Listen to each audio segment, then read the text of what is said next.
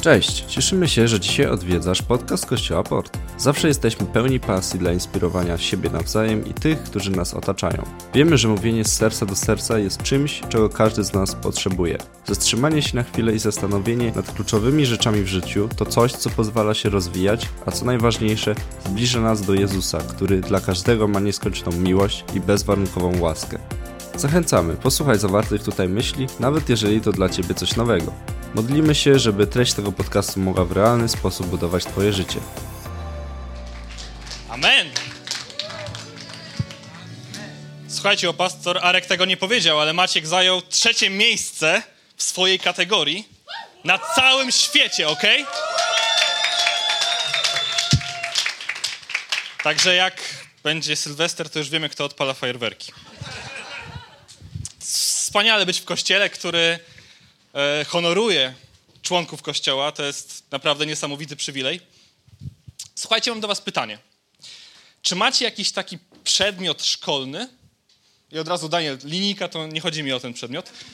Czy macie jakiś taki przedmiot szkolny, który najbardziej lubiliście, jak chodziliście do szkoły? WF, nie spodziewałem się Bogusz niczego. Fizyka, historia. Daniel, matematyka? I fizyka. E, słuchajcie, ja podobnie jak pastor Julita bardzo lubię historię. I po WF-ie od razu to był mój ulubiony przedmiot. Wiem, że pastor Julita bardzo lubi historię. Wiem, że Ania też bardzo lubi historię. E, razem z pastor Julitą spotykają się na takich spotkaniach i uzupełniają takie duże kartki A2, gdzie różne konteksty historyczne opisują, różne bitwy. Niesamowitą wiedzę mają. Jestem pod wrażeniem. I dzisiaj chciałbym trochę porozmawiać o historii. Chciałem przedstawić Wam trzy bitwy i w jaki sposób te bitwy, już trochę zaspoileruję, ale w jaki sposób te bitwy były zwycięskie. Pierwszą bitwą, którą chciałem Wam przedstawić, to jest bitwa, która według wielu wybitnych historyków, w tym również i mnie, jest jedną z najważniejszych bitew w historii Europy. Jest to bitwa, która tak naprawdę dzięki temu, że ta bitwa została zwyciężona, Europa wygląda tak, jak wygląda teraz. Ta bitwa nazywa się, jest nazywana przez historyków cudem nad Wisłą. Miała miejsce między 13 a 25 sierpnia 1920 roku. Eee, I na czym w ogóle polegała? Polegała na tym, e, że pomiędzy nacierającą na Warszawę i na północny zachód od Warszawy Armią Czerwoną stanęło wojsko polskie. To tak naprawdę była ostatnia linia obrony przed tym, żeby Armia Czerwona wstąpiła do Warszawy. Wiecie, co by się stało w momencie, kiedy Armia Czerwona wstąpiłaby do Warszawy? Nic by jej dalej nie zatrzymało. Niemcy były w okropnym kryzysie. Od razu Armia Czerwona przesunęłaby się do Niemiec, Niemcy byłyby e, krajem komunistycznym. Dalej, Francja, Włochy, myślę, że nie stawiałaby dużego oporu. Ta bitwa była jedną z najważniejszych bitew w historii Europy. Chciałbym powiedzieć Wam, dlaczego ta bitwa została nazwana cudem nad Wisłą. Bo nie została tak nazwana, bo to fajna nazwa. Tylko po pierwsze, bolszewików, według historyków, było ponad 2,5 raza więcej niż Polaków. Było ich około 750 tysięcy. Po drugie, ta liczba 750 tysięcy to była liczba żołnierzy, którzy byli w tej chwili na froncie. Oprócz tych żołnierzy, Sowieci mieli 4,5 miliona dodatkowo żołnierzy gotowych do przyjścia z odsieczą w razie potrzeby. Polacy nie mieli takich zapasów. Nas było 300, około 350 tysięcy. I po trzecie, morale żołnierzy. Morale żołnierzy polskich, którzy od kilku miesięcy byli cały czas w odwrocie. Cały czas musieli się cofać, cały czas musieli tak naprawdę ratować swoje życie. Było na zastraszająco niskim poziomie.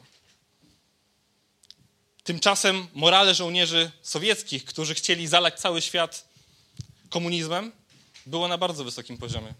Oni mieli swój cel, dążyli do tego celu. Więc w tej chwili Polska potrzebowała cudu. I wiecie, ten cud niejako przyszedł poprzez plan, e, plan, który e, został wymyślony przez naczelnego wodza Józefa Piłsudskiego i wprowadzony w życie przez szefa sztabu generalnego Wojska Polskiego Tadeusza Rozwadowskiego, który jest trochę takim cichym bohaterem tej całej bitwy, bo oczywiście Józef Piłsudski wymyślił ten plan, natomiast Tadeusz Rozwadowski ten plan wprowadził w życie. E, I jak ten plan wyglądał? Nad ranem 16 sierpnia siły polskie przekroczyły rzekę Wieprz. Do uderzenia, bo chodziło o to, że to była kontrofensywa, do uderzenia zgromadzono około 50 tysięcy żołnierzy, 759 karabinów maszynowych i 179 dział. Max, możesz pokazać mapę, żebyśmy mieli szerszy obraz? Zobaczcie. Sam muszę znaleźć to. Jesteśmy w tym miejscu. 50 tysięcy żołnierzy polskich, którzy wcześniej tylko i wyłącznie się bronili, nagle zebrali się w grupę i zaczęli atakować lewą flankę Sowietów, czyli prawą od naszej strony. Wiecie, oni nie spodziewali się takiej kontrofensywy. Oni nie byli świadomi tego, że teraz możemy puścić w tym momencie jedną czwartą całych naszych wojsk do tego, żeby przeprowadzić kontrofensywę. I w tym momencie, kiedy my zaczęliśmy wchodzić po tej prawej stronie, kiedy zaczę, zaczęliśmy odnosić zwycięstwa jedno po drugim, bez praktycznie żadnych strat, wtedy Sowieci musieli więcej żołnierzy przerzucić na tą swoją lewą flankę. A to spowodowało, że cała reszta frontu została osłabiona. I nagle z armii, która miała za jakieś trzy dni przestać w ogóle istnieć, Polska stała się armią, która wygoniła Sowietów z powrotem do swojego kraju. Która zapobiegła tak naprawdę strasznej historii. I dlaczego w ogóle nudziłem was tą historią? Chciałem wam powiedzieć, że gdyby nie plan wymyślony przez Józefa Piłsudskiego, historia potoczyłaby się zupełnie inaczej. Planowanie, posiadanie planu jest niezwykle ważne w naszym życiu. Pomaga nam w organizacji, pomaga nam w osiąganiu różnych celów. I chciałem Wam też powiedzieć, że planowanie to jest coś, do czego Bóg nas zachęca. W Ewangelii Łukasza w 14 rozdziale, 28 wersecie, możemy przeczytać takie zdanie. Bo kto z was, zabierając się do budowy wieży, nie siada najpierw i nie oblicza kosztów, czy wystarczy mu na jej wykończenie? Planowanie jest bardzo naturalne, nie jest w żaden sposób sprzeczne z zaufaniem Bogu. Oprócz tego chciałbym też przeczytać Księgę Przysłów. To jest szesnasty rozdział i trzeci werset. W zasadzie od pierwszego wersetu. E, rzeczą ludzką jest snucie planów. Odpowiedź jednak pochodzi od Pana. Wszystkie drogi człowieka wydają mu się właściwe, lecz Pan jest tym, który bada motywy. Powiesz Panu swoje plan, sprawy, a wtedy spełnią się Twoje plany. I teraz przechodzę do, do. Pierwszy punkt to był plan. Zapomniałem zdjąć. Pierwszy punkt to był plan. I teraz przechodzimy do drugiego, jeszcze ważniejszego punktu. Samo planowanie jest niezwykle pomocne i ważne w naszym życiu, ale kiedy do naszego planu wprowadzimy Boga, nagle planowanie staje się drugorzędne. Nie musimy się wtedy martwić o to, czy ten plan zostanie zrealizowany, bo mamy po swojej stronie Boga. E, ostatni raz wrócę do Józefa Piłsudskiego i obiecuję, że go puszczam. Powiedział, Józef Piłsudski powiedział kiedyś takie zdanie. Tylko dzięki zaiste niepojętej, a tak wielkiej i niezbadanej litości boskiej, ludzie w tym kraju nie na czworakach chodzą, a na dwóch nogach udając człowieka wielki człowiek, wielki strateg, który wprowadził w życie wiele planów, które się udały, powiedział, że wszystko, co mamy, zawdzięczamy Bogu, Jego litości nieskończonej miłości. I chciałbym, żebyśmy przeczytali teraz kolejną historię, historię kolejnej bitwy. E, nie będzie to już bitwa z Sowietami, będzie to za to bitwa z Amalekitami. I przechodzimy teraz do Księgi Wyjścia, to jest 17 rozdział, 8 werset.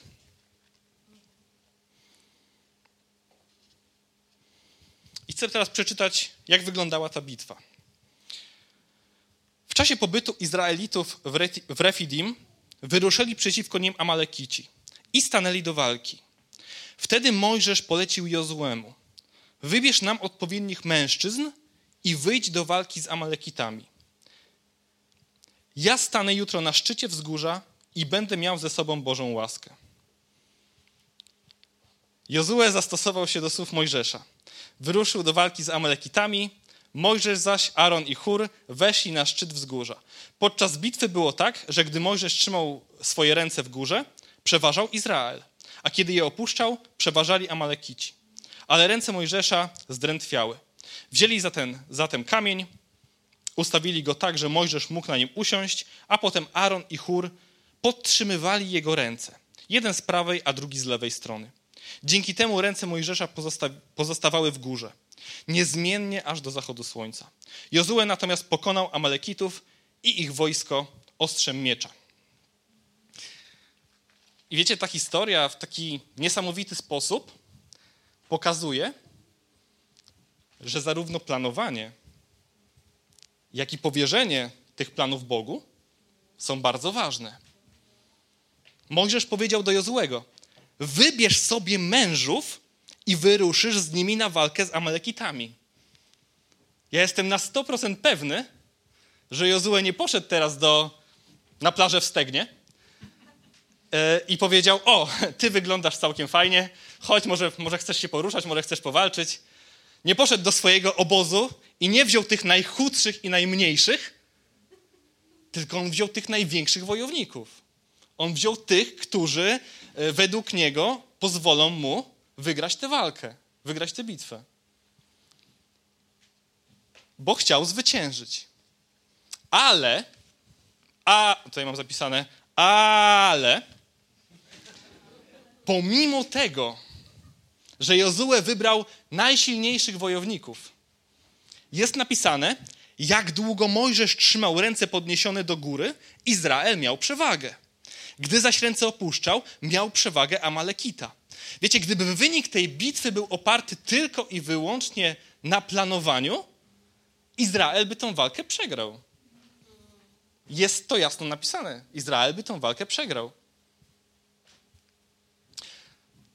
Plan był bardzo ważny, no bo też jakby, jakby było tak, jak powiedziałem wcześniej, że Jozue wziąłby najsłabszych wojowników, to, to Bóg by popatrzył, no i nie postarałeś się za bardzo. Plan był ważny, ale tę bitwę wygrał Bóg, a nie te wojska, które były na dole. W Księdze Przysłów w 16 rozdziale, w 9 wersecie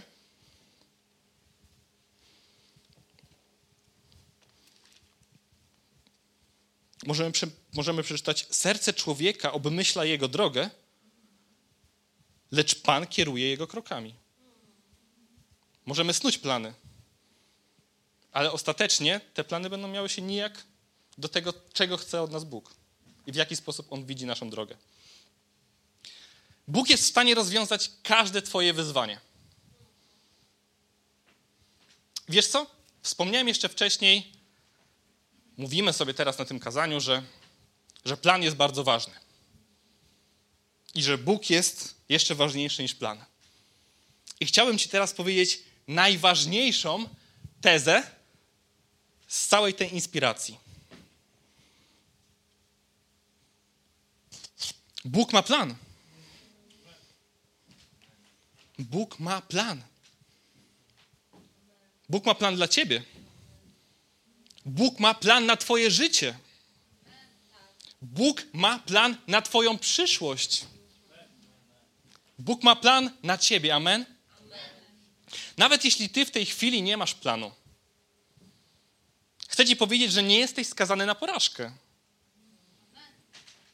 Możesz zwyciężyć i jedyną rzeczą, którą musisz zrobić, to zaufać Jemu. On jest większy niż jakikolwiek plan. Ok, ostatnią bitwą, a w zasadzie walką, o której chcę powiedzieć, jest taka bardzo, bardzo znana walka z pierwszej księgi Samuela. Jest to walka Dawida z Goliatem.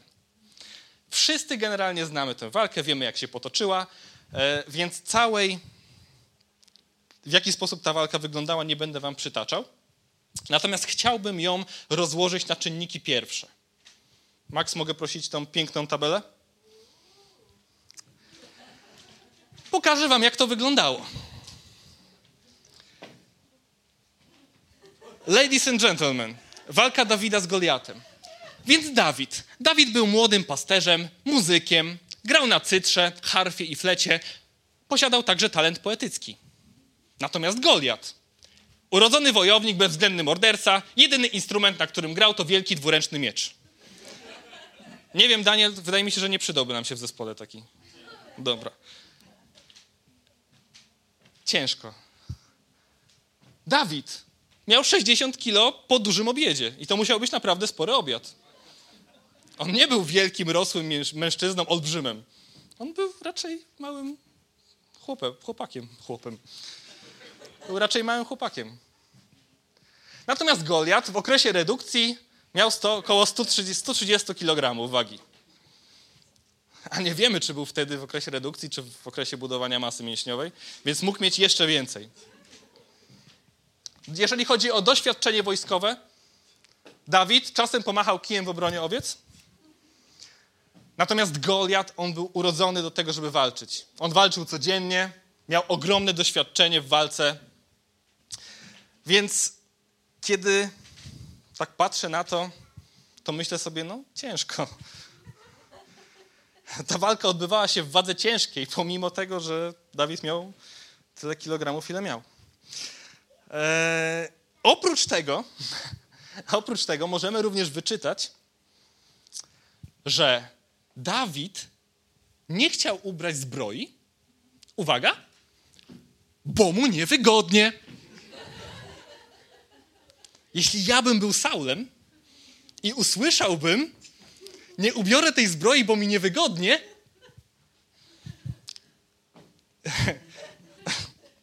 jest może ktoś jeszcze? Ktokolwiek? Ręka do góry, kto chce walczyć z Goliatem? Tylko nie ten wariat? Jeśli ta walka odbywała od... inaczej.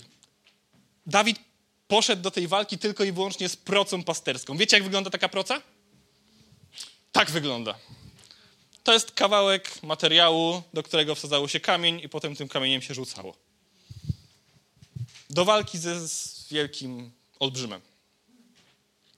Jeśli ta walka odbywałaby się w dzisiejszych czasach, to kurs na wygraną Dawida w tej walce byłby wyższy niż kurs na wygraną Mołdawii z Polską.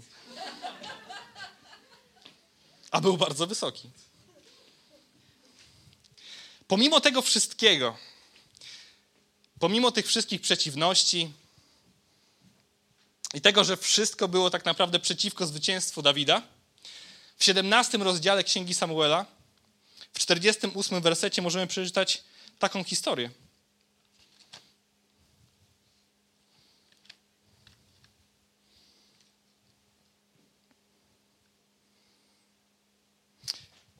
Gdy więc Filistyn ruszył z miejsca i był coraz bliżej Dawida, Dawid też opuścił szereg i pobiegł mu na spotkanie. Sięgnął przy tym ręką do torby i wyjął stamtąd kamień. Wypuścił go z procy i ugodził nim Filistyna w czoło. Kamień utkwił w czole i Filistyn padł twarzą na ziemię. Dawid ze swoją procą i kamieniem okazał się mocniejszy.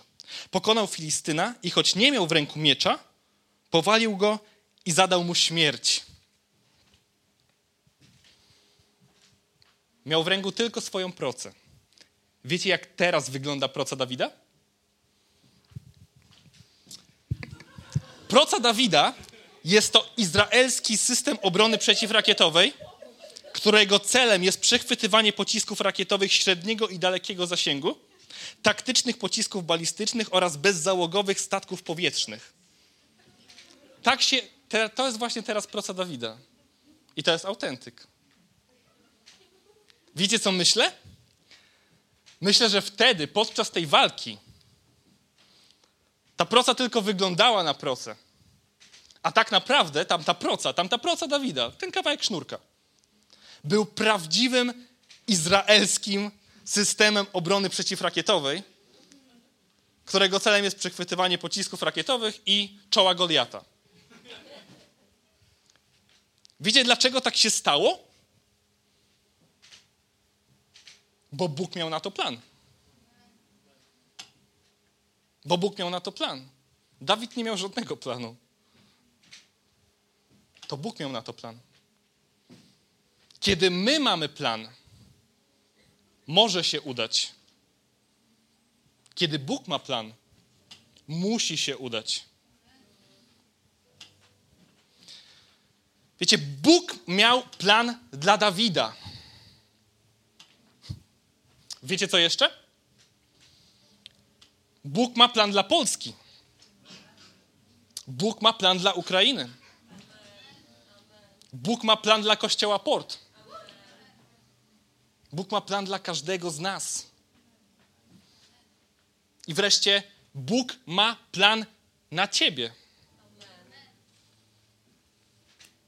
Chciałbym, żebyśmy się modlili. Wstańmy, kochani.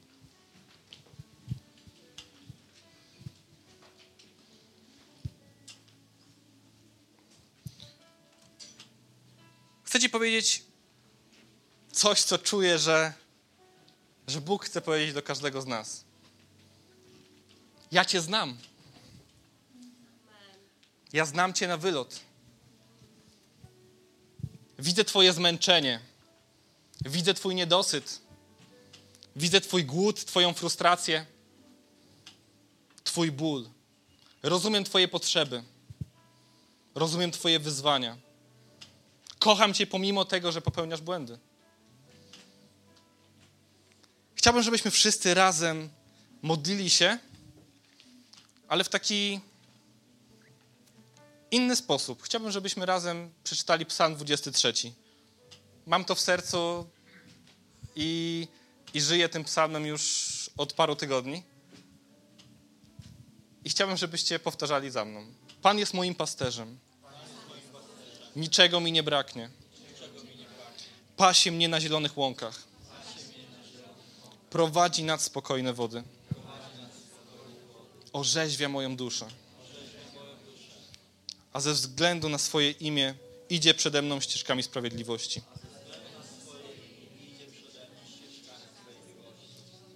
Następną część mówmy tak, jakbyśmy ogłaszali to nad swoim życiem bo to jest coś, co chciałbym, żebyśmy dzisiaj ogłosili nad swoim życiem. I choćbym nawet szedł doliną cienia śmierci, zła się nie przestraszę. Przecież Ty jesteś ze mną. Twoja łaska i Twój kij są mi źródłem pociechy. Zastawiasz przede mną stół na oczach moich wrogów namaszczasz olejkiem mą twarz. A mój kielich już pełniejszy być nie może.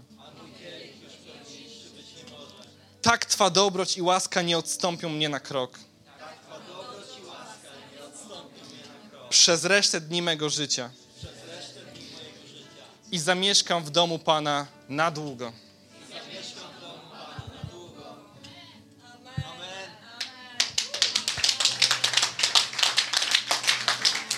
To jest niesamowite, w jaki sposób on działa w naszym życiu. Być może jesteś tutaj pierwszy raz. Albo wcześniej nie czułeś czegoś takiego, takiej dobroci, ponadnaturalnej miłości Boga do ciebie. Jeżeli jesteś teraz gotowy, jeżeli chcesz zaprosić do swojego serca Boga, jeśli czujesz, że chciałbyś, żeby w Twoim życiu zamieszkał Chrystus, Chciałbym, żebyś powtarzał za mną takie słowa. Drogi Jezu, wierzę, że jesteś prawdziwy. Wiem, że ja nie jestem perfekcyjny i że popełniam błędy. Wierzę, że na krzyżu umarłeś dla mojego zbawienia. Po trzech dniach zmartwychwstałeś dla mojego usprawiedliwienia. chcę od dzisiaj realizować Twój plan dla mojego życia. Amen. Jeśli modliłeś się w ten sposób, nie chcę Cię wypuścić stąd bez modlitwy dalszej. Po lewej stronie, na końcu sali będzie, będę czekał. Chciałbym, żebyś się, żebyśmy się dalej modlili o to. Żebyś nie wyszedł stąd głodny. Chcę, żebyś wyszedł stąd całkowicie spełniony i odmieniony. A teraz uwielbijmy naszego Boga, bo jest tego godzin. Amen. Jeżeli czujesz się zainspirowany, zapraszamy do nas. Spotykamy się na Huzarskiej 3A w Rydłowie każdej niedzieli o godzinie 11. Na miejscu będą osoby, które przyjaźnie Ci przywitają i podadzą wszystkie potrzebne informacje.